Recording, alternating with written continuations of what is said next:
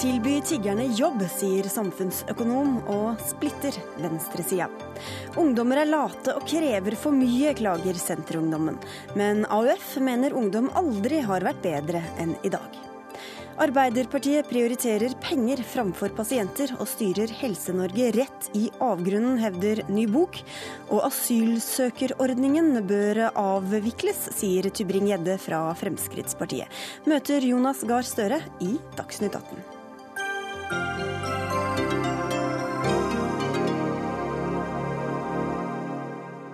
Dette er noen av sakene her på NRK2 og P2 den neste timen. Jeg heter Sigrid Solund. Hvilke tiltak som skal innføres for tiggere, splitter både politikere og folk. Mens noen vil legge mest mulig til rette, ønsker andre en hard linje. Og I Klassekampen i helga kom et forsøk på løsning, nemlig arbeidstiltak for eh, bostedsløse. Og dette forslaget kom fra deg, Kalle Mone. Du er professor i økonomi ved Universitetet i Oslo. Hvorfor mener du at sånne sysselsettingstiltak er en del av løsninga? Jeg tror det løser flere problemer. Det løser det problemet at de får en inntekt. Eh, det løser det problemet at en får kanskje litt mindre motsetninger mellom eh, de som i dag sitter og tigger, og de som ikke liker det så godt, som er veldig ivrer veldig for å få forbud eller restriksjoner på tigging. Og så tror jeg det løser et tredje problem, nemlig at en kan eh, få registrert et arbeidsforhold. Eh, slik at en kan eventuelt bli en mer aktiv jobbsøker i det ordinære arbeidsmarkedet. Det kan du ikke så lett gjøre i dag, sånn så uten jobb og bosted. Men hvis en får noe sysselsettingstiltak, gjerne med offentlige eller private midler for den sakens skyld, men offentlige midler var mitt forslag, så tror jeg at uh, du kan løse noen av disse problemene. Dette er helt alminnelige EU-borgere som er her. De er fattige. De har uh, en, kanskje en en ulempe med det, og, og de blir uh, sett ned på og diskriminert. Eh. Men, men, hvordan ser du for deg at dette skal fungere og gjennomføres i praksis? Den begynner på en annen måte. Eh, altså, Norge har en politikk overfor utviklingsland. De er veldig opptatt av å formalisere arbeidsforhold i utviklingsland. Utviklingsland har svære uformelle sektorer i sin økonomi.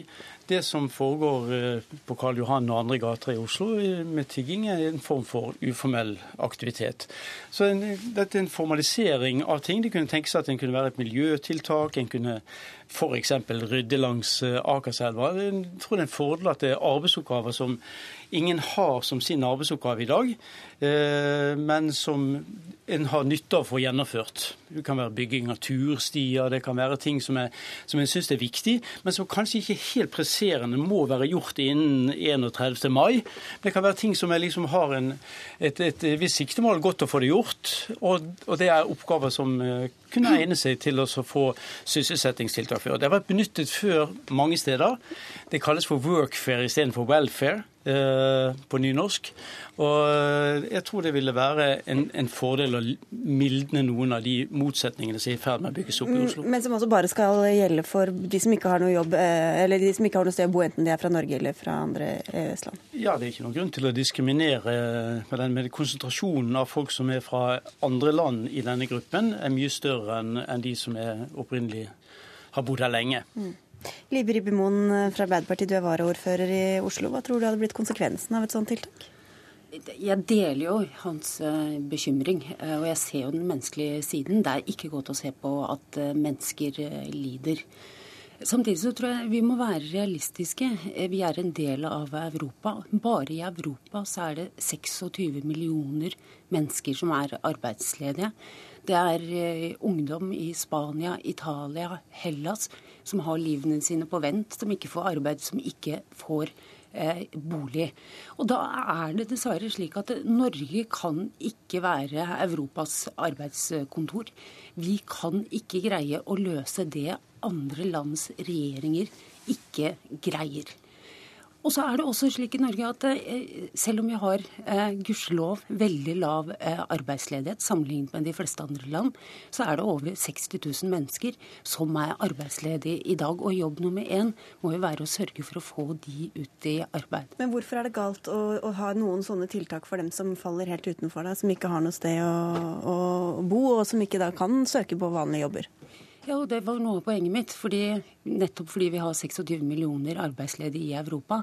Og vi kan ikke ha et system hvor vi skiller mellom ulike etniske grupper. og Det forstår jeg også at eh, Kalle Mone ikke tar til orde for. Han ønsker at dette skal være en generell ordning som skal gjelde alle.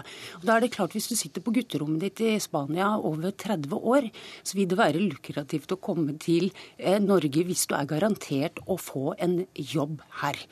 Og jeg vil jo eh, si at det er jo viktig at folk får ordinært arbeid med gode lønns- og arbeidsvilkår. Vi skal ikke by folk noe dårligere fordi om de kommer fra eh, andre eh, land. Eh, og det kan bli veldig vanskelig å innfri, gitt den vanskelige situasjonen som da finnes i mange land. Jeg bare synes det er litt eh, jeg forstår, jeg forstår sånne bekymringer. Jeg tror Der som konsentrasjonen er høyest av hjelpetrengende, der bør det være mest hjelpetiltak. Konsentrasjonen er ikke høyest i Norge, men det er kanskje i andre land, eh, i hvert fall for den gruppen som er mest representert blant de boligløse, eller hva du skal kalle de for, uformell arbeidskraft i, i Oslo-området. Men jeg, jeg syns ikke at det skal brukes som en unnskyldning til eh, å, å, å å sette i gang med arbeid av denne typen. her. Og Det trenger ikke være en full ukelønn, en full dagslønn for hver dag. Det er, det altså, to timers arbeid er en dobling av inntekten antagelig av det, av det de får i, ved å tigge på gaten. Og det ville skape en helt annen situasjon for det. Og jeg tror ingen reiser, ingen reiser fra Spania til Norge for å få to timers garantert arbeid uh, ved å rydde med Akerselven. Det tror jeg litt Dessuten må jeg si en ting til. Det, dette var, på 30-tallet var jo det mange sånne tiltak. og disse argumentene blir jo veldig mye brukt generelt. Og det er jo litt uheldig at uh, de partiene som ivret mest for den politikken på 30-tallet, i dag er litt skeptiske å gjøre det samme. Men Du skal få svare, Liv Drivmoen. Vi må slippe til også Marianne Borgen fra SV. Hvem er du mest enig med her? Nei, For det første vil jeg si at det er ingen av oss som sitter her som tror at Oslo kommune kan løse Europas fattigdomsproblemer. Det er i hvert fall helt sikkert. Eh, jeg hadde ønsket meg, og jeg har vært i Romania, jeg kunne ønsket meg at mange av de som sitter og tigger i Oslos gater, kunne fått arbeid der de kommer fra. Ja, men og reise. Vent, jo, men jeg må si dette fordi det handler om at mange av de har reist fra barna sine, og det er jeg faktisk veldig bekymret for. Men jeg innser at det får ikke vi til i morgen eller overmorgen. Så i mellomtiden så må vi forholde oss til det akutte problemet vi ser i Oslo Oslos gater. Så jeg syns det er et veldig positivt innspill som det Kalle Mone her kommer med. Og jeg mener jo at vi skal prøve. Jeg syns vi skal prøve. Jeg syns det er interessant at LO i Oslo har vært positive til å sette seg sammen med Oslo kommune, og sette seg sammen med frivillige organisasjoner, og se om det er mulig å komme fram til noe, noe som man kunne kalle nødsarbeid, eller å få gjort noe ekstra i kommunen som man i dag ikke får gjort. Fordi det handler om å gi også folk litt menneskeverd og litt anstendighet. Det handler om å la de få bidra bidra inn i fellesskapet. Og jeg tror vi alle er sånn skrudd sammen at vi ønsker faktisk å bidra noe inn til fellesskapet. Og når du bidrar inn til fellesskapet og får lønn for det, ja, så kan vi også stille krav tilbake. Og mange av dem sier at de vil jobbe i Ribbemoen, bl.a. to romfolk i Aftenposten i dag. Hvorfor ikke gi dem et eh, tilbud, da? Jo, De er hjertelig velkommen til å søke arbeid på lik linje med andre. Og de er hjertelig velkommen til å få samme type veiledning som det alle andre får. Men når du Så, ser at ikke det fungerer, da?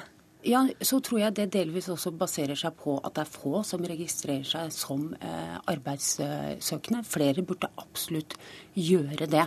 Så jeg har lyst til å kommentere i forhold til det med nødsarbeid. Eh, fordi jeg representerer et parti som faktisk har brukt de siste 100 årene på å bli kvitt uverdige boforhold hvor folk bodde trangt og dårlig. Vi har brukt tiår på tiår på å rydde opp i eh, norsk arbeidsliv. Sikre alle gode og skikkelige lønns- og arbeidsvilkår og pensjonsvilkår. Og vi kan ikke åpne opp for et system hvor vi får et A- og B-lag som legger grunnlaget for sosial dumping, som legger grunnlaget for at folk ikke har skikkelige vilkår i norsk arbeidsliv. Du frykter at det ville blitt konsekvensen? At noen da er en del av det vanlige arbeidslivet, og så er det noen som er parallelt eh, liv med dårligere ja, for Vi har jo et ordinært eh, arbeidsliv i dag. Det er jo skapt 370 000 arbeidsplasser de siste åtte årene. Mange av de er besatt av folk som kommer da fra andre land. Det er selvfølgelig også romanere velkommen til å gjøre. Og når sant skal sies, så er det jo et flertall av personer som kommer fra Romania, som er fullt tids sysselsatt, og som bidrar på veldig mange områder i norske samfunn. Mm, du får svare på det, Kalmone, todelingen. Jeg tror ikke dette er sosial dumping. og et i hvert fall mitt forslag var at de skulle jobbe på tarifflønn, og, men kanskje ikke med full arbeidsuke. Jeg tror det med, at ikke med full arbeidsuke er, er også en del av pakken. og For å forberede de til, hvis de ønsker det, til å søke annet arbeid, eller til å reise et annet sted. Men det blir jo to forskjellige parallelle arbeidsliv, da? Ja, men Hvis hver, hver forskjell skal være to parallelle arbeidsmarked, det vil ikke være noe arbeidsmarked som er Det er en frivillighet å delta i dette arbeidsmarkedet, og det er en frivillighet å gå ut av det og få en bedre jobb hvis det er det en ønsker. Og Sånn har det alltid vært. Og sånn har det vært i mange utviklingsland som jeg tror det, det er naturlig sammenligning med i dette tilfellet her. Og det er veldig gode erfaringer med si, arbeid for lønn i, i, form når folk er nødstilte, som det, eh, denne gruppen eh, åpenbart er. Marianne Borgen, hvem skal kontrollere hvem som skal få lov til å delta på dette arbeidsmarkedet, og hvem som skal få være med i sysselsettingstiltak? Så tror jeg vi alle er enige om at det er jo arbeid som er veien ut av fattigdom. Hvis folk kunne fått et anstendig arbeid, så hadde man også fått bidra til å løse noe av dette. Og jeg er helt enig med Libe Ribermo når hun sier at flere burde søke arbeid. Problemet i dag er at mange som kommer til Nav-kontoret for å søke arbeid, får ikke lov til å registrere seg som arbeidssøker fordi de ikke har fast bopel. Og så går dette i en sånn sirkel. Så jeg syns at vi skal ta utgangspunkt i det som er dagens akutte problemstilling. Folk er fattige, de sitter på gata i Oslo, de ønsker å arbeide. Vi har en del ugjorte oppgaver i Oslo kommune. Vi er en av Norges største arbeidsgivere. Vi kunne sammen med LO i Oslo, som jeg nevnte i stad, og frivillige organisasjoner helt sikkert komme opp med en del rekke arbeidsoppgaver som ville være bra for byens befolkning. Plukke søppel og sånt som Ja, eksempel, eller rydde på øyene ja. våre, eller hvor som helst. Og det, det, som er fint med det, det er at da ville mange av de som i dag oppleves å være et problem, og være en del av forsøplingen, okay. faktisk bidra til at byen ble bedre. Men det var ikke det jeg egentlig spurte om, for jeg spurte om hvem som da skal være med, og hvem som skal bestemme hvem som skal få være med i akkurat denne arbeidsformidlingen. Utgangspunktet mitt er de som vi nå ser i Oslo, som som lever på gata, som er fattige og som er bostedsløse. Okay, så det å ikke ha en adresse, det er et kriterium for å få være med i denne arbeidsformidlingen? Ja, jeg syns jo det. Og så er det selvfølgelig kriteriene at folk ønsker å jobbe. Og veldig mange av disse folkene sier jo de, i sitt møte med de som jobber på gata i Oslo, at de ønsker å arbeide. Og vi har jo faktisk også et problem i Oslo i dag med svart arbeid. Ja, men når de da får et sted å bo, da skal de ut av den arbeidsrekka og inn i det vanlige arbeidslivet? Nei, ikke nødvendigvis, for det kommer an på altså Jeg mener jo at folk bør få et arbeid, og i den grad folk er flinke til å jobbe, så skal de kunne arbeide. Hva slags type arbeidstiltak vi her snakker om, må vi jo sette oss sammen og diskutere litt grundigere. Men da må vi først ville prøve først. Og det er det jeg er litt skuffet over, at man ikke engang vil prøve. Jeg tror mann, det er deg i dette tilfellet, Liber Ibimon. Eller Oslo by, for den saks skyld. Jeg tror at de aller fleste skjønner at vi kan ikke ha en situasjon at eh, bare du kommer til Norge og så setter deg med en eh, kopp, så skal du være garantert å få et, eh, få et arbeid. Det vil jo også være sterkt urimelig i forhold til alle de andre som kommer, ikke minst fra Syd-Europa. Vi har veldig mange Men de skal jo inn, også inn i det samme mulige arbeidslivet, da, ifølge forslagsstilleren her. Ja, og da er spørsmålet hvor, hvor skal grensen settes? For det, eh, det, poenget er jo at i dag så er jo antallet jobber basert på at arbeidsgivere faktisk søker arbeidskraft arbeidstakere. Det de snakker om her, er jo å skape kunstige typer jobber som i dag ikke eksisterer. Noen må jo betale for alle disse da nye eh, tusenvis av eh, jobbene. Eh, er det Oslo kommune som skal betale, og hvor skal egentlig grensen settes? Jeg tror det eneste fornuftige er det man gjør nå, selv om det er smertefullt, selv om det tar lang tid. EU bevilger nå 17 milliarder euro for nettopp å bedre romfolkets eh, kår. Norge bidrar også betydelig der. Vi får spørre økonomen da, hvem som skal betale for alt dette? For det første så er det ikke et økonomisk spørsmål hvem som skal betale, det er jo mye mer et politisk spørsmål. Men jeg synes hvis det er slik at en gjør oppgaver som er til beste for uh, Oslo kommunes borgere, så syns jeg det er veldig naturlig at Oslo kommune betaler. Jeg syns det er veldig overdrivelse av tall her. Jeg tror ikke folk kommer fra Spania og Portugal for å jobbe to, dager, to timer dagen i et uh, sysselsettingstiltak i Oslo. Jeg tror du det, Liber Bemo? Jeg tror at hvis man er garantert eh, arbeid To timer, to timer arbeid for å plukke søppel langs ja, Akerselva. Hvor mange gratis, tror du kommer hit da? Og gratis bolig og gratis eh, mat. Så vil, vil da selvfølgelig mange prøve, prøve å få til det. Men det viktigste er at vi må tilby at det, hele EØS-samarbeidet er basert på at man kan søke arbeid i de ulike typer land. Men det er også basert på at du må kunne forsørge deg selv. Det er hele grunnpilaren i EØS-samarbeidet arbeidet. Du får få ti sekunder på slutten her, Marianne Borgen. Ja, det er jo ingen som snakker om uh, fullt arbeid og gratis bolig. Uh, det vi snakker om er kanskje å tilrettelegge for noen type arbeid. Og det er ikke sikkert vi skal karaktere at alle skal få det engang. La oss begynne i det små og se om vi kan kanskje hjelpe noen av de som i dag lever på gata i Oslo, sover under Sinsenkrysset og ikke har det noe særlig ålreit, og at de kommer seg i arbeid. Jeg vil være glad for hver titalls person som vi klarer å få i arbeid. Selv om det fører til at enda flere titalls kommer hit? Uh, jeg tror ikke det er slik. For folk kommer hit i dag, og de lever på gata i Oslo i dag. Og det er ikke sånn at de kommer hit uh, for, i dag fordi de tror de skal få arbeid. De kommer hit for å tjene penger, og de kommer hit for å tigge, og de driver med masse forskjellige ting. Og noen tror det er lettere å få arbeid enn det det er, men det viser seg altså at det er så vanskelig. Jeg syns Oslo kommune skal ta et ansvar i å forsøke å bidra til å skaffe arbeidsplasser. Arbeid og penger henger vel som ofte sammen, bare for å sagt det. Men takk skal dere ha, Marianne Borgen, Libe Ribermoen og Kalle Mone, for at dere tok debatten i Dagsnytt 18.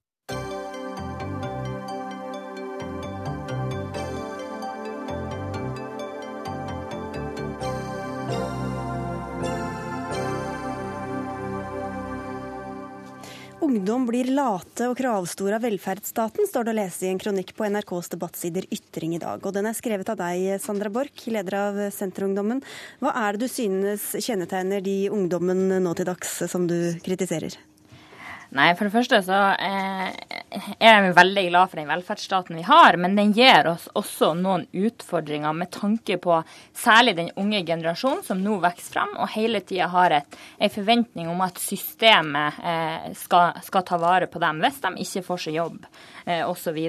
Og det er det vi ønsker å ta et oppgjør med. Samtidig så er vi jo klar på at, på at det er den ene gruppa eh, med eh, bl.a. de som eh, er unge og uføre, og de som mottar arbeidsavklaringspenger. Det er de, det antallet der som øker, og det er de vi er nødt til å få ut i jobb. Og Det er derfor jeg sier at, at jeg føler at ungdom i dag eh, har en forventning om at velferdsstaten hele tida skal stille opp, og at man derfor er, er litt lat. Ja, Fleder Eskil Pedersen, hvordan vil du karakterisere dagens ungdom? Altså, Denne debatten har vi jo hatt siden Sokrates-dager for over 2500 år siden, eh, hvor han sa at ungdom var late. Jeg vil karakterisere dagens ungdom som seriøse og ambisiøse. De eh, går mer på skole, de gjør mer lekser, de skulker mindre, de presterer bedre. I tillegg så er det et enormt press på at de skal delta i idrettsaktiviteter, fritidsaktiviteter. Flere deltar i politisk arbeid enn før. Men så er det også mange som har deltidsjobb. Hvis du reiser rundt i landet, så ser du ungdom som jobber i butikker og på burgersjapper. Jeg har gjort det sjøl, og mange andre ungdommer gjør det i dag. Eh, og de gjør det ikke fordi de må, fordi at de må bidra til eh, familiens inntekt, men de gjør det fordi de ønsker å få jobberfaring og være økonomisk selvstendige. I tillegg så er ungdom sunnere og mer fornuftige enn sine foreldre var. De røyker mindre, de begår mindre kriminalitet, drikker mindre. Setter så, alle oss andre i forlegenhet? Ja, men på de aller fleste statistikker så går ting i riktig retning. Og vi har en utrolig flott ungdom i Norge, og det bør være utgangspunktet vårt. Men Sandra Borch, hvordan vet du at ungdommer setter høye krav og ikke vil ta hvilken som helst jobb på butikk, f.eks., som du skriver? Nei, Det ser vi jo på, på uh, tall som viser at færre unge i dag har jobb ved sida av f.eks. studier på videregående osv. Uh, og det, det, det jeg mener vi er nødt til å ta et oppgjør med holdninga til å jobbe uh, ved, ved sida av studiene f.eks. Og så er det jo sånn som Eskil sier, vi, har, vi, lever i et godt samfunn i Norge, men vi er nødt til å ta på alvor den økninga av antall som får uføretrygd og arbeidsavklaringspenger i Norge av, av unge. Det er det vi må ta på alvor, og det er det vi må ta et oppgjør med. Hvis, hvis det fortsetter å øke sånn som det har gjort nå, så kommer eh, velferdsstaten Norge til å få et stort problem om noen år. Vi får høre med Bjørn Gudbjørgsrud, tjenestedirektør i Nav. Hvordan ser dette ut fra deres eh, side? Dette er jo litt avhengig av hvor man ønsker å rette oppmerksomheten, tenker jeg. Hvis vi ser på Norge i en internasjonal sammenheng, så er vi blant de landene som har en lavest andel unge som står utenfor arbeid eller utdanning. Eh, I tillegg så har vi en veldig lav ungdomsledighet, eh, og sånn sett så er vi en øy, altså, eh, sammenlignet med de fleste land i OECD. Så er det også riktig at andelen som går på uføre under 30 år, har økt noe. Den har økt fra 1,2 til 1,3% på ti år. Den viktigste grunnen til det er at vi har fjerna tidsbegrensa uførepensjon, slik at en del som tidligere fikk det, får nå varig uførepensjon. Men hovedutfordringen her er nok ikke at ungdom er late det er at vi har en del ungdom som faller ut av videregående utdanning. Hvis du faller ut av videregående utdanning i dag, så er sannsynligheten for at du kommer varig over i arbeid ganske liten. Fordi kvalifikasjonskravene som arbeidslivet stiller, de øker. I tillegg så ser vi at vi har en økende ungdomsgruppe som har helseutfordringer, først og fremst knytta til psykisk helse. Så jeg tror nok at eh, vi først og fremst må rette oppmerksomheten mot å få flere til å fullføre videregående opplæring, og å følge opp godt i forhold til helseutfordringene. Da klarer vi også å hindre at eh, ungdom eh, går over på varig uførepensjon, som vi absolutt bør forsøke å gjøre. For å ta tak i noe av det, da, Sandra Borch. De, mm. de med psykiske lidelser, tror du at de egentlig ikke er så syke at de ikke skulle jobbe? Eh, jeg er veldig enig i at vi er nødt til å drive forebyggende, men samtidig så må vi se på eh, det antallet som er der i dag. og Da handler det om å motivere ut eh, de unge ut i arbeid. Og Det er jo faktisk bevisst at ungdom med psykiske lidelser faktisk kan få det veldig mye bedre hvis man tilrettelegger på jobben, hvis man føler at man bidrar til samfunnet. Det er jo det vi må ha hovedfokus på nå framover. Det er jo å få de her ut i jobb, og ikke drive og krangle om, om hvor mange det er snakk om. Det er et eh, økende antall, og det må vi ta på alvor. Det er iallfall det vi gjør i Senterungdommen. Så Vi må jo ta utgangspunkt i tallene, selvfølgelig. og eh, Målet må jo være at eh, flest mulig er i jobb eller utdannelse. Eh, men eh, siden 2004, blant 18- og 19-åringer, så har det blitt litt over 400 flere uføre. Det har blitt over 22 000 flere 18- og 19-åringer siden 2004. Og da er det altså en ganske stabil andel. Eh, kanskje for høy, men ikke noe uføreeksplosjon på noen som helst måte. Og da må vi jo først være tydelige på at det skal stilles strenge krav til å ufør, bli ufør. Og du skal være syk for, for at du blir ufør. Da kan du ikke delta i arbeidslivet. Og det skal også være strenge krav til å motta penger fra Nav hvis du ikke får jobb. Men vi må jo gjøre som det blir sagt her, det vi kan for at ungdom fullfører videregående. Eh, Men Har det ingenting med holdninger å gjøre, tror du? Altså jeg tror, eh, når vi, når vi snakker om, hvis vi, hvis vi, snakker om at den eh, andelen som har vært er fordi folk er late, så er det for det første helt feil å trekke en, en generell konklusjon av at alle ungdom er late fordi det har blitt noen hundre flere i den aldersgruppa som eh, er ufør. Eh, men jeg, jeg, velger å tro at vi har systemer som stiller krav, og at ikke det skal være lett å bli ufør. Det skal ikke være lett å motta penger fra Nav, man skal, man skal stille krav til dem. Eh, men jeg er også veldig glad for at vi har et system som gjør det mulig for folk som ikke kan jobbe, at de har sikkerhetsnett. Det er noe som er flott med Norge, mm. og det skal vi forsvare. Sandra Borch, du kritiserer også Nav. Hvor er det du mener de svikter? Eh, jeg mener bl.a. at det bør eh, bli en strengere aktivitetsplikt. Og jeg eh, kjenner veldig mange innenfor miljøet som blir oppfordra av Nav til å ta ut uførepensjon fordi at de ikke har noe Det er tungt å få seg arbeid, og det kan ta ganske lang tid. Det mener jeg er helt feile signaler å gi ut til ungdom. Og det er særlig ungdom med funksjonshemninger som får oppfordringer om at uførepensjon pensjon er det beste å ta ut. Eh, her må vi motivere ut i arbeid, her må vi legge til rette. Og så er det ikke bare Nav som skal ha kritikk eh, på akkurat det punktet. Nav gjør også veldig mye bra. Men arbeidsgiverne må også tørre å satse på de unge som kanskje sliter litt eller har, eh, har f.eks. psykiske problemer. Der er dere sikkert enige alle tre, men du får svare på kritikken mot Nav, Gudbjørgsrud. Nei, altså Norge er et annerledesland på mange måter. Vi har både mange sysselsatte, vi har lav ledighet, men vi har også mange som står utenfor yrkeslivet pga. helseproblemer. Eh, de medisinske vilkårene i forhold til å få innvilga en uførepensjon i Norge er veldig strenge. Og jeg er jo helt enig i at er det noe vi ikke skal gjøre, så er det å motivere folk til å ta ut uførepensjon. Men Gjør altså, du det, da? Nei, det er strenge krav til å få uførepensjon. Eh, og jeg har uttalt tidligere at sannsynligvis har nåløyet aldri vært trangere i forhold til å få en uførepensjon. Så er spørsmålet hva handler dette om? Handler det om motivasjon hos den enkelte for å komme seg ut i arbeid, eller handler det om at vi faktisk har et arbeidsliv som rekrutterer mennesker som har nedsatt funksjonsevne? Og Sannsynligvis så handler det om en kombinasjon av disse tingene. Men uansett så kan ikke Nav vedta at vi skal få folk i arbeid. Det må vi få til i et samspill med den enkelte og med arbeidslivet i Norge. Helt til slutt, Eskil Pedersen, Hvilke signaler syns du Sandra Borch sender til eh, norsk ungdom med sånne utspill? Jeg eh, er opptatt av å sende mine egne signaler. og det er at Vi er, skal være utrolig glad for at vi har den ungdommen som vi har i Norge. 99 eh, er ikke på den statistikken Sandra viser til. Eh, og Ungdom i dag gjør en fantastisk jobb på skole. Det stilles strenge krav til dem. De er ute i jobb, og de er mye bedre enn foreldrene sine i forhold til de aller fleste ting. og Det er noe positivt å ta med seg. Og Så kommer vi helt sikkert å ha denne debatten her om de neste 100 årene framover også. Ja, vi får håpe det har vi noe å snakke om. Takk skal dere ha, Eskil Pedersen, Sandra Borch og Bjørn Gudbjørgsrud.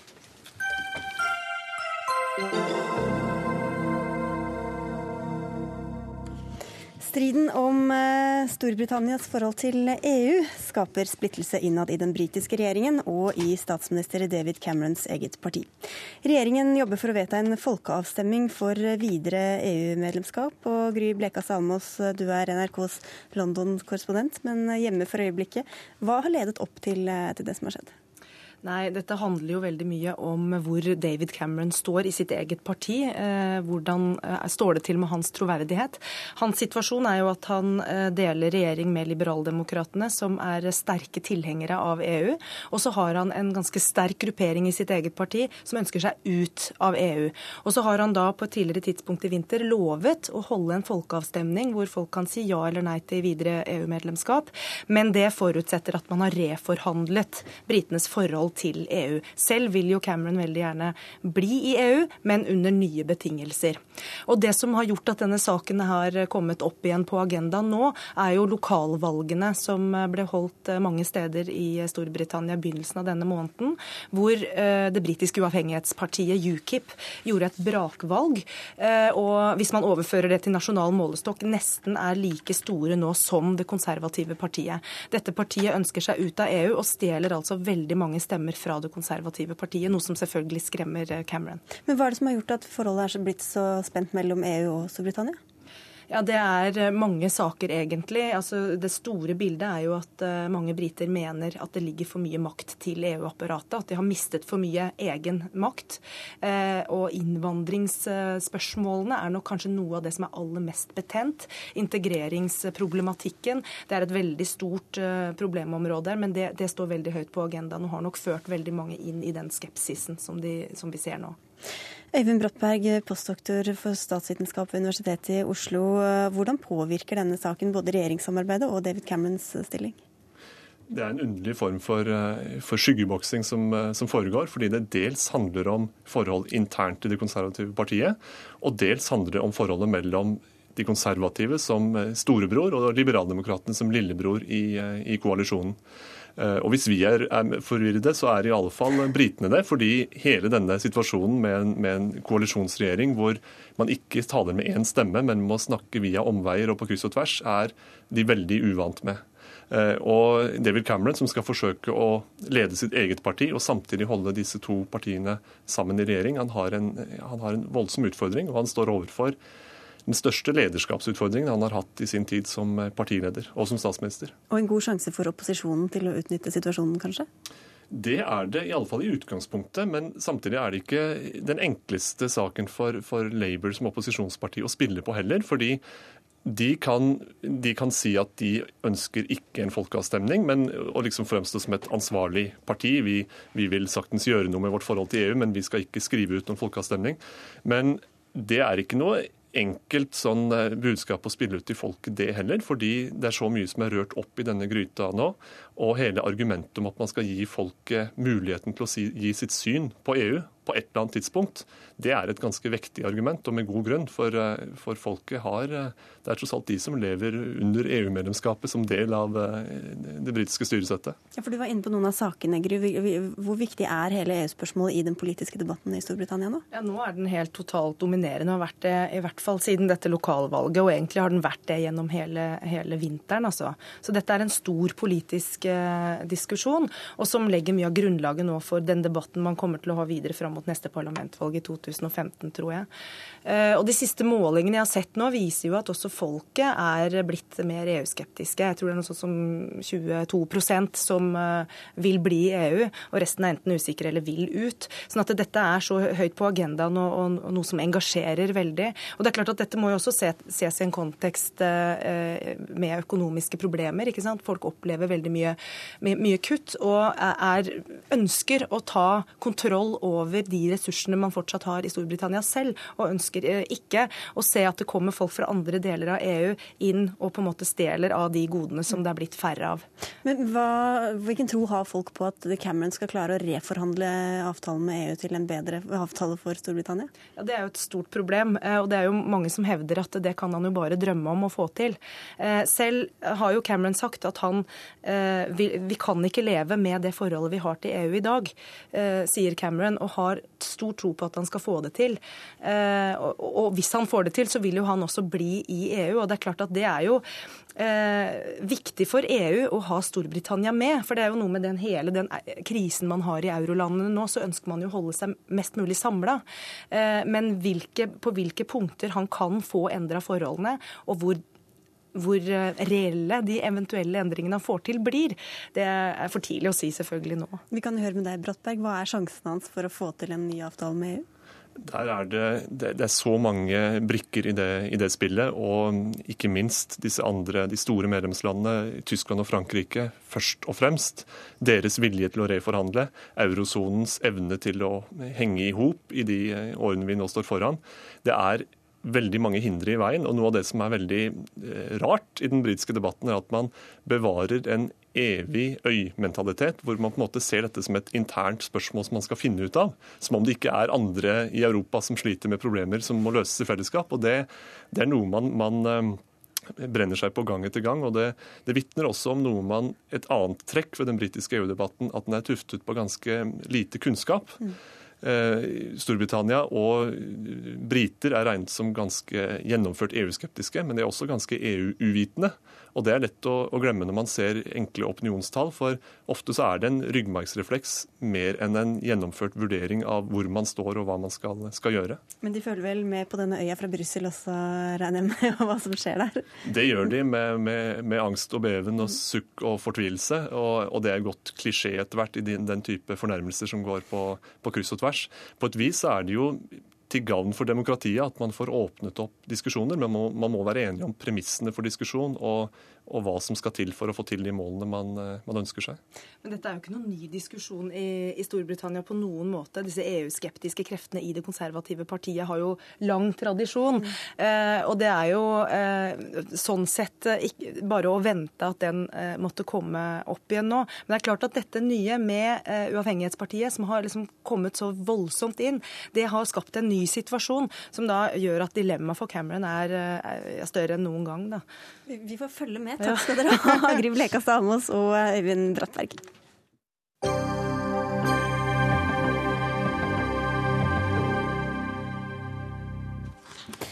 Norsk helsevesen nærmer seg kanten av stupet, i hvert fall ifølge boka 'Feil medisin'. De siste årenes eh, helsereformer, ledet an av Arbeiderpartiet, har satt penger foran pasientene, skal vi tro denne boka. Og Vi skal straks få Arbeiderpartiets egen versjon, men først Are Såstad, tillitsvalgt ved Oslo universitetssykehus gjennom mange år og forfatter av denne boka. Hva er eh, i all hovedsak galt med Helse-Norge, sånn som du ser det? Først vil jeg si at Helse-Norge har veldig mye bra sider ved seg. Men eh, min påstand er at det har gått nedover siden 2002. Og at vi har fått et eh, dårligere helsevesen helt fram til i dag. Og det skyldes en reform som ble innført av den første Stoltenberg-regjeringen, som dessverre har ført oss helt feil vei. Hvilke konsekvenser har den gitt? Den har gitt en mye større avstand mellom topp og bånd i sykehusene. Det har gjort det veldig mye vanskeligere å nå fram med kritikk innenfra.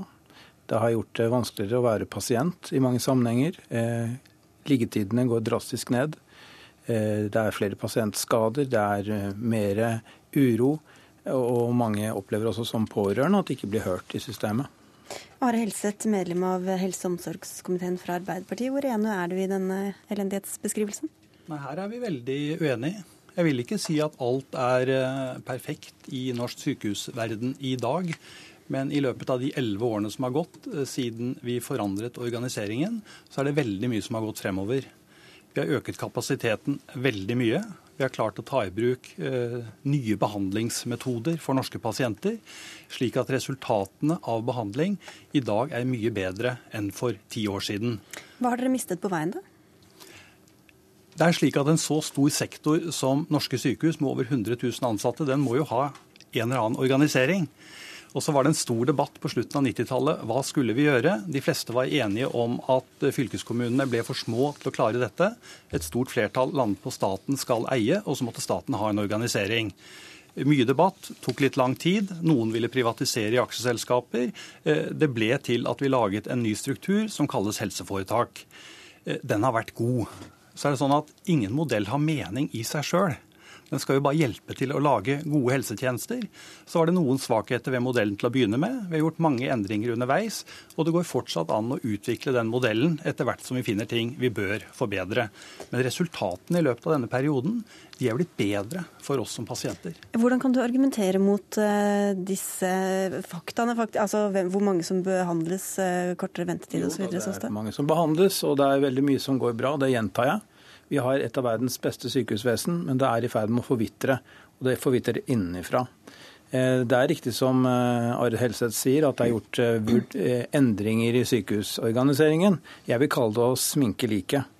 Dette er en modell som ikke har livets rett. Det kan gjøres endringer, men det vil ikke endre på det grunnleggende, nemlig at man setter bunnlinje som det avgjørende.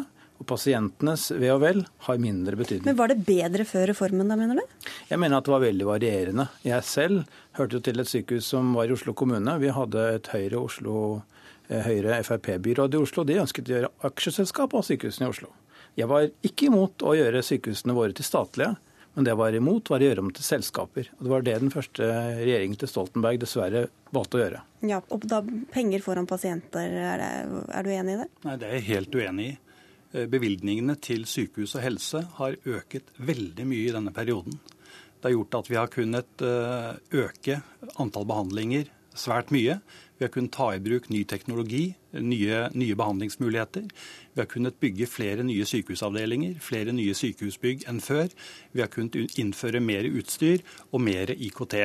Ikke slik at vi er i mål, men dette har gått fortere enn det det ville gjort eh, med den gamle organiseringen. Og så er det veldig mye som nå går veldig bra.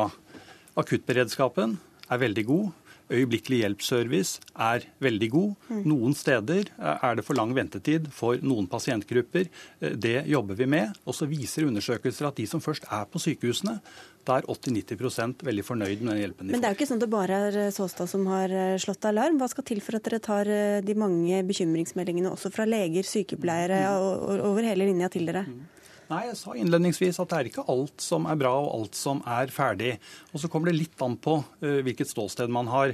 Det er større utfordringer i Oslo pga. en stor omorganisering. Den er veldig krevende. Det jeg opplever når jeg besøker andre regioner, er at der er det mer arbeidsro. Ikke slik at alle er enige, men mer arbeidsro.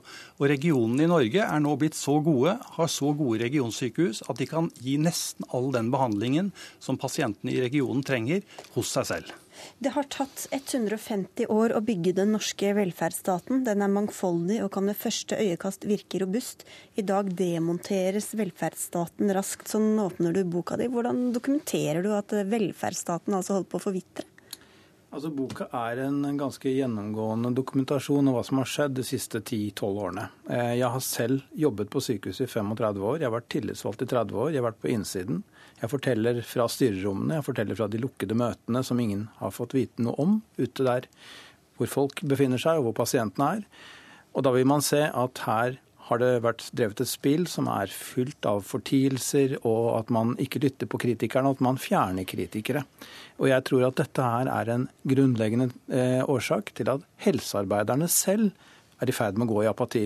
Jeg var jo i Dagsrevyen i går, og jeg fikk en mengde positive meldinger tilbake etterpå. En av dem har jeg lyst til å lese opp. Det var fra en helsearbeider som jeg selvfølgelig ikke skal navngi, men som jobber som anestesisykepleier i Oslo universitetssykehus. Hun sa tusen takk for at du sier det du sier. Jeg er så veldig lei av å skrive avviksmeldinger som ingen konsekvens får. Vi styres kun av tåkeprat. Hilsen. Eh, og det er meldingen jeg får, det er det vi hører. Eh, de ansatte, de som har jobbet lenge på sykehusene, orker snart ikke mer, for de opplever at faget deres blir tråkket på. Men bare før Helse skal få svare, Var det også sånn for 20 år siden, 30 år siden, altså med din erfaring? Min erfaring er at det alltid har vært problemer å organisere sykehusene, men de har tårnet seg opp de siste ti årene. Og Hvor mye av det skyldes organis organiseringen av sykehusene? Helseth? Jeg tror ikke det går an å tenke seg at vi skulle finne en organisering verken i Norge eller i noe annet vestlig land som ville løse alle utfordringene. Dette er eh, en ekstremt krevende samfunnssektor å eh, lede. Men stikkordet her, det er ledelse. Hva er det som gjør at noen sykehus og noen ledere får det til, og andre steder er det veldig vanskelig?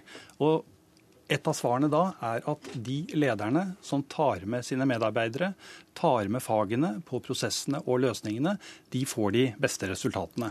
Men Er du enig da i noe av den virkelighetsbeskrivelsen av at det er lojalitet oppover, det er for lange avstander, folk tør ikke å si fra, fryktkultur osv.?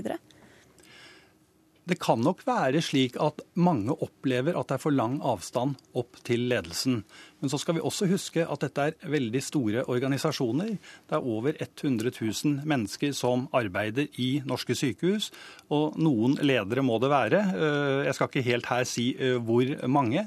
Det som jeg tror er avgjørende, er at lederne utover i sykehusene får nok fullmakter til å kunne gjøre en god jobb.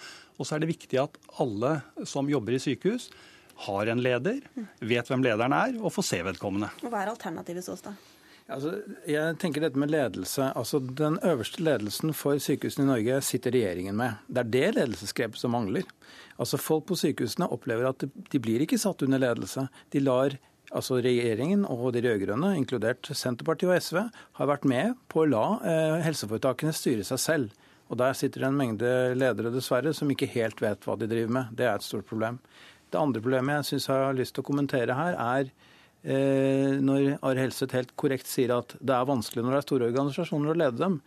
Nettopp denne troen på at ting skal være så svært, er et hovedproblem her. Når man slår sammen tre gigantiske sykehus i Oslo til kjempen Oslo universitetssykehus, som er et av verdens aller største sykehus, i en av verdens minste hovedsteder, så har man ikke skjønt dette, hvordan dette skal gjøres. Det gjøres ingen andre steder i verden.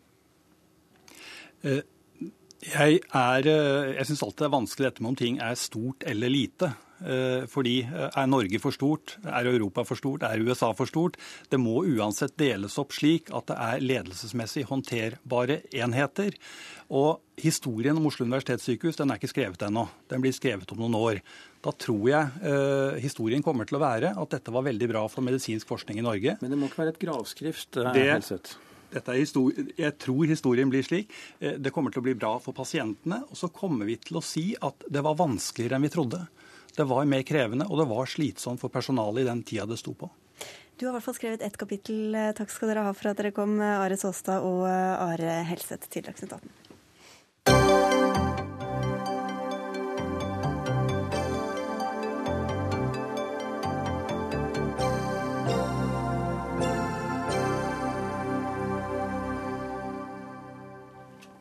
Det burde være lov å sponse barne- og ungdomsprogrammer i Norge. Dagens forbud bør oppheves for å få mer norskprodusert barne-TV.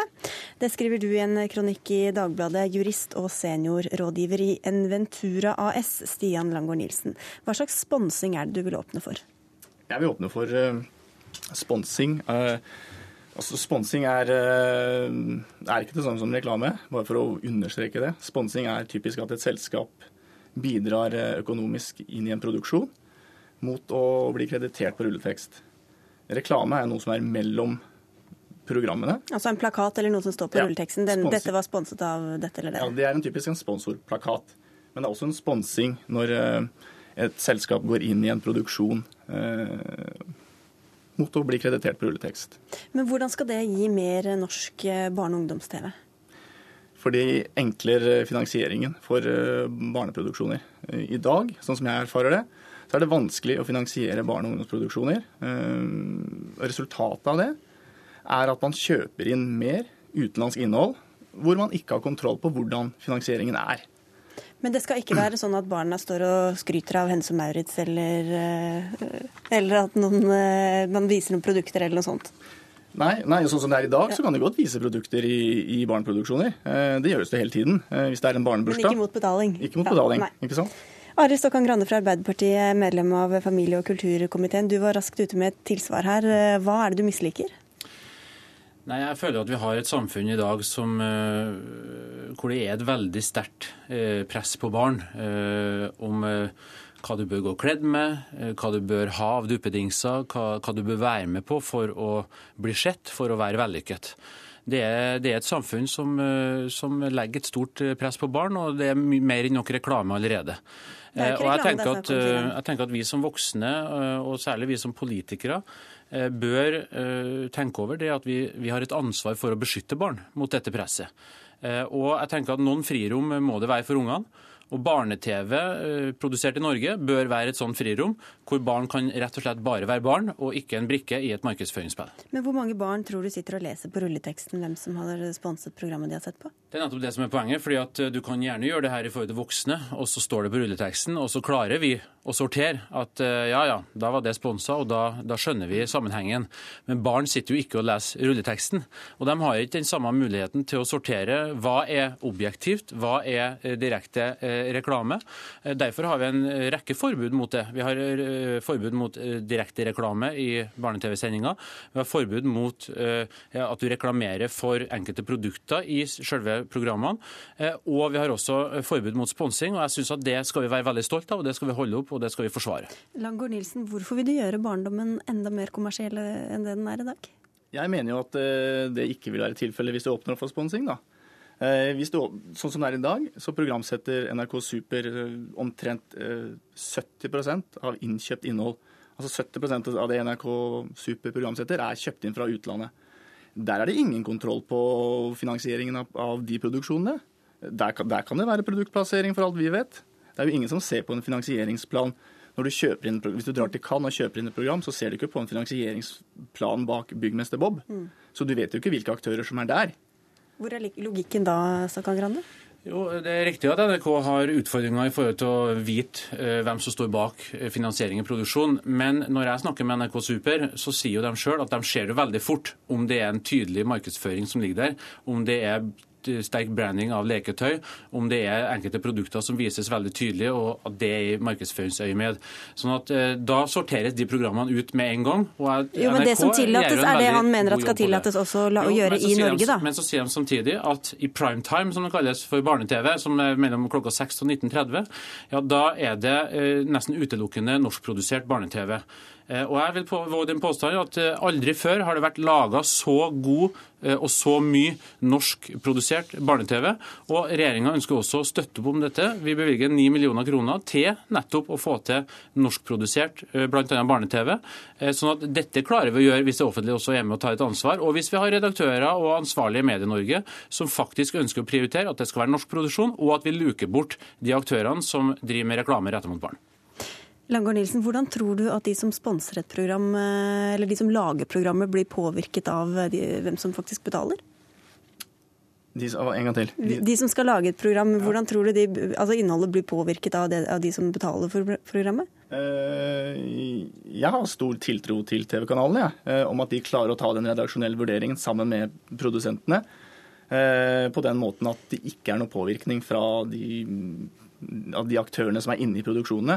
Eh, du, husker sikkert Lillehammer. Eh, problematikken rundt eh, sponsing og ulovlig sponsing, altså produktplassering. Der, der, klarte jo nettopp NRK å ta og luke ut ulovlig, ulovligheter. Da. Så jeg mener jo at men For at det skal kalles produktplassering og uh, være omfattet av lovforbudet, så må det være nettopp det at det skal brukes i markedsføringsøyemed, uh, eller at du får betalt for at det står der.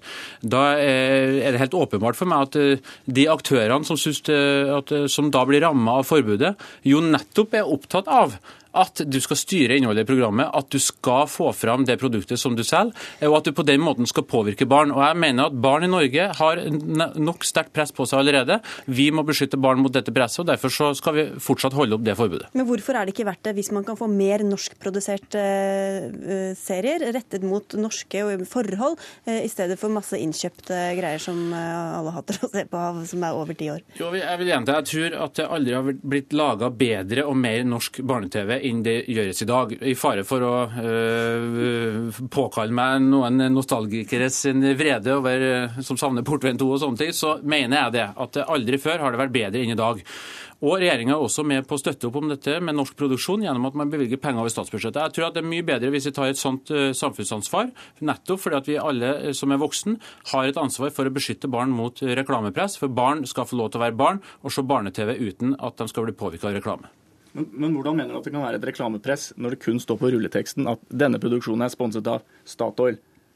Tror du Statoil selger mer olje av det? Jo, men jeg tror ikke at det er gjennom å lese det på rulleteksten at du skjønner at du blir påvirka. Det er jo nettopp eh, gjennom snedig markedsføring, gjennom det at du skaper et behov hos den som ser på. Eh, dette er det jo mange som forsker på, dette er jo mange som bruker millioner av kroner på. Men det er jo bare snakk om at det skal bare stå på rulleteksten og ikke noe mer. Ja, men, men kjære meg, kjære meg, hvem er det som er interessert i å plassere produktene sine på TV uten at det skal ha en hensikt i forhold til nettopp å påvirke? Det er ikke produktplassering det er snakk om, det er bare snakk om å ha det på rulleteksten. Jo, men det, når at du har aktører som ønsker å plassere sine produkter på TV, vi har det f.eks. i enkelte sendinger for voksen-TV allerede, så er det jo i øye med at du ønsker å påvirke seeren. Ubevisst eller bevisst. Så det er ikke, Poenget er jo ikke eh, rulleteksten. Grunnen til at det skal stå på rulleteksten, er at forbrukeren sjøl skal kunne skjønne at dette er det betalt for, at, er, at du har blitt påvirka. Men uh, hele poenget her er at barn klarer ikke å sortere på den samme måten. Derfor bør barn beskyttes mot den typen reklame. Ja, jeg, jeg, mener jo at uh, du tar feil. Ja. Uh, jeg tror uh, sponsorene er ute etter andre ting. Nettopp et omdømme i et omdømmeperspektiv f.eks. Eller å bruke produksjonens merkevare i interne ablegøyer eller, eller i butikkene sine. Det er ikke ulovlig. Jeg tror eh, absolutt at eh, dem som ønsker å plassere sine produkter og betale for det, eh, gjør det åpenbart ikke av veldedighet. De gjør det for å påvirke norske forbrukere, og barn skal beskyttes mot det. Da ble vi ikke enige i dag heller, da. Men takk for at dere i hvert fall kom, Arild Stokkan Grande fra Arbeiderpartiet og Stian Langgaard Nilsen.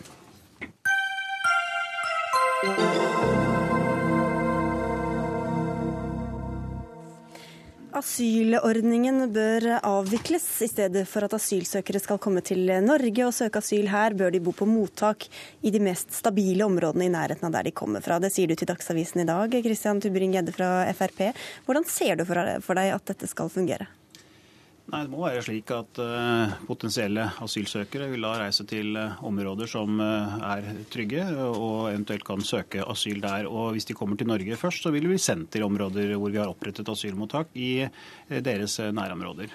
Dette gjøres, dette gjøres for, som en vinn-vinn-situasjon for alle parter, altså både for asylsøkere og de som eventuelt får innvilget asyl og får flyktningstatus. De vil da transporteres til Norge. ja. Ja.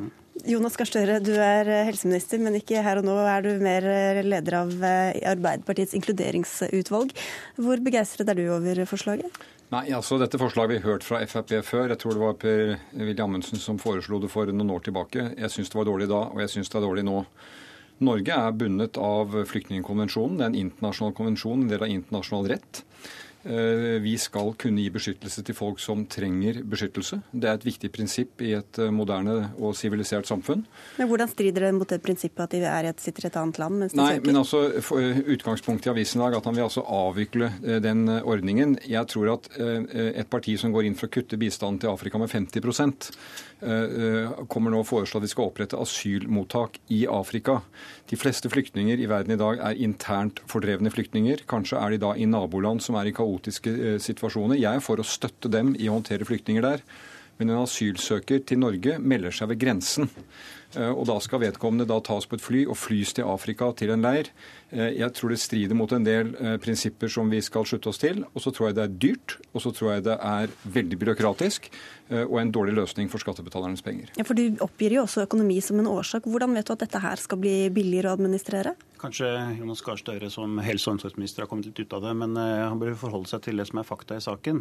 Eh, og det er slik i dag at veldig mange av de som i dag får opphold i Norge, de får det på humanitært grunnlag, eller at de får det ved at de utsetter og, eh, forlenger søknadsprosessen, slik at de i slutt ender opp med å få opphold i Norge. De vi skal beskytte, er de som vi i henhold til FNs flyktningkonvensjon har behov for beskyttelse. De skal vi beskytte i Norge. Men skal de først til et annet land, eller ja, de det er kvoteflyktninger du snakker om da? Et, et, øyeblikk. ja, de skal altså til et annet land for å få uh, sin søknad behandlet der. Da vil de ikke oppleve at de forsvinner fra asylmottakene hvis de ikke har grunnlag for å få opphold, slik det skjer i Norge i dag i veldig stor utstrekning. Uh, og de kan komme direkte dit hvis de ønsker det. Men de vil da vite på forhånd at de får ikke behandlet søknaden sin i Norge. De får ikke være rundt i Norge og gå fritt rundt i Norge i den tiden det behandles. Ikke asylmottak, men de må være i det området der. Og jeg bare minner om at uh, i Jonas Gahr Støres egen regjering i 2009 så, så vurderte man akkurat det samme. Men bare til det jeg spurte om, for det svarte du ikke helt på. Hvordan vet du at det her skal bli billigere og lettere å administrere enn å få folk eh, hit til, til landet? Og det blir lettere å administrere er jo ikke helt, eh, helt, sikkert, men poenget er at det blir langt færre asylsøkere som får opphold i Norge altså på uriktig grunnlag. Det er jo slik i dag at veldig mange får opphold pga. at de får humanitære grunner, eller at de får at de utsetter saken, anker saken, anker saken, og til slutt så får de opphold til slutt. Alle de vil vi da bli, bli, bli kvitt, og de som har et reelt behov, vi skal selvfølgelig få beskyttelse. Og jeg synes Istedenfor at sånn som Jonas Gahr Støre alltid gjør, alltid slår ned på nye forslag, for det, det er så veldig gode, gode ideer de selv har funnet på hele tiden, det går ikke veldig bra med innvandring til Norge og integreringen i Norge i dag. Det synes Jonas Gahr Støre skal heller innrømme istedenfor bare kritisere alle andre. Ja, men Vi tar det ikke en sånn lang integreringsdebatt. Nei, nei, eh, vi kan ta det innholdsdebatt. Jeg følger ganske godt med. Jeg Tybring-Gjedde selv om jeg er helse- og omsorgsminister, særlig da jeg kommer nå akkurat inn til et studio fra Siljan kommune i Telemark, som forteller hvordan de håndterer den situasjonen. Det er en utfordring for Norge å motta asylsøkere. Det er en utfordring for kommuner, men det skulle bare mangle. Dette er jo verdens forfulgte som vi skal ta vår lille andel av og forsøke å håndtere på en ryddig måte. Men, men til det poenget om at man da ikke lenger skal gi opphold til de som, som er her i år etter år og får Nei, men det er veldig viktig, det. Og det er viktig å få til da en god returpolitikk. De som får avslag, bør, bør reise ut. Sende dem av gårde da, med fly? Ja, de som har fått eh, avslag på søknad, Det høres bør veldig ubarmhjertig ut. Nei, men vi har returavtaler med en del land, og også, vi har det også Det var ikke så ubarmhjertig likevel, da, for det var veldig ubarmhjertig å sende dem når de kommer hit til Norge og sende dem til Afrika, som du sa. Men tydeligvis så kan man sende dem når de har fått avslag. Ja, det mener jeg at når man har fått avslag og ikke vil returnere, så kan man med noen land Men her det du snakker om, er altså folk som kommer til Norge, søker asyl, skal flys til Afrika, skal få sine søknader behandlet der. Da må vi jo sende etter et svært team av nordmenn. Vi må sende ned dommere som kan just, må bo i Afrika og vurdere asylsøknader. Altså, øh, Fremskrittspartiet skal regjere med Høyre, og Erna Solberg sier at hun vil ha Høyre, øh, Norge på sitt beste. Dette er ikke Norge på sitt beste. Dette er noe, Høyre svarer på seg, kan du svare for deg, da? ja, jeg svarer for meg, men dette er noe aldri denne regjeringen har foreslått. Jo da, i 2009 i Hellas.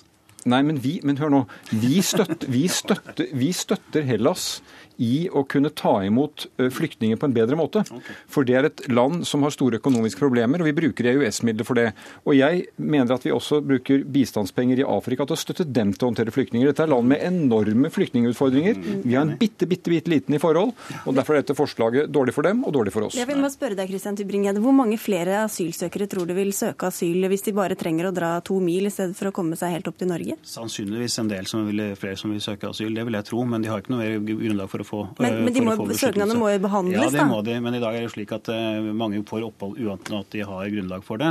Eh, og når du vet at de må beholde, forholde seg til i et naboland og ikke få komme til rike, rike nord i Norge, hvor har alle disse vel, velferdskodene vi har her, så er kanskje ikke det så attraktivt å, å, å søke. Men, men at det blir mer byråkrati og kan også bli dyrere, det er noe som du åpner for? Ja, søknadsprosessen kan jo hende at det blir, vi har en garanti for det, men, men altså, jeg syns ikke det er en motivasjon hvis vi skal, hvis vi skal, skal prøve å, å få flyktninger til Norge slik at vi skal gjøre dem eh, beskyttet. Så kan jo ikke økonomi være et argumentasjon slik Jonas Gahr Støre mener det er. Men det er en feil her, for at han sier at eh, hvis du er en flyktning i Afrika, så kan du reise to mil og søke asyl i Norge på en flyktningleir som er opprettet der. Asyl søker du ved grensen. Du må til Norge for å søke asyl. Ja vel, da, da, da, da gjør vi det på den måten, Jonas Gahr Støre. Vi kan gjøre det praktisk hvis du vil at de skal reise først til Norge og så sende dem til Afrika. Men det, men det, jeg sier ikke hva jeg vil, men dette er internasjonal rett. Men jeg vil spørre deg en ting. Altså, Du får snakke for Fremskrittspartiet, det er helt riktig, men du sier i avisen at dette bør være et ultimatum for Fremskrittspartiets deltakelse i regjering. Så, du, så du, det du egentlig sier er at det Oslo Fremskrittspartiet, det største fylkespartiet Fremskrittspartiet vil, og som dere stiller overfor deres partner Høyre, er at hvis dere ikke får dette, så bør dere ikke gå i regjering. Er det sånn du ser det? Eh, Nei, hvis du leser resolusjonen som er foran meg, så skal vi sette det som, som krav inn i regjeringsforhandlingene til, til høsten. Og det bør, bør ikke forundre Jonas Gahr Støre at Fremskrittspartiet vil kreve en strengere innvandringspolitikk når vi kommer i regjering. Så et krav, det men ikke et ultimativt krav? Nei, det er, det er noe som Dagsavisen skriver. Jeg skrev at vi har et krav til Høyre i forhandlinger om at dette skal eh, være en del av, del av men, det, men det jeg mener at dette er nok et interessant punkt hvor vi ikke får avklaring fra de to partiene fra da de mener. Bent Høie, som jeg syns argumenterer godt, avviser dette fullstendig i dagens avis.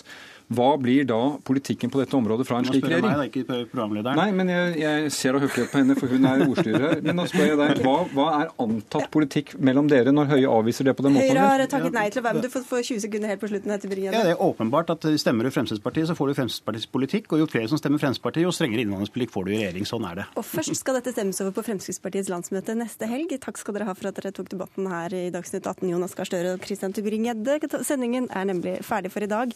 Ansvarlig for den var Siri Storstein Hytten, teknisk ansvarlig Finn Lie, og jeg heter Sigrid Solund.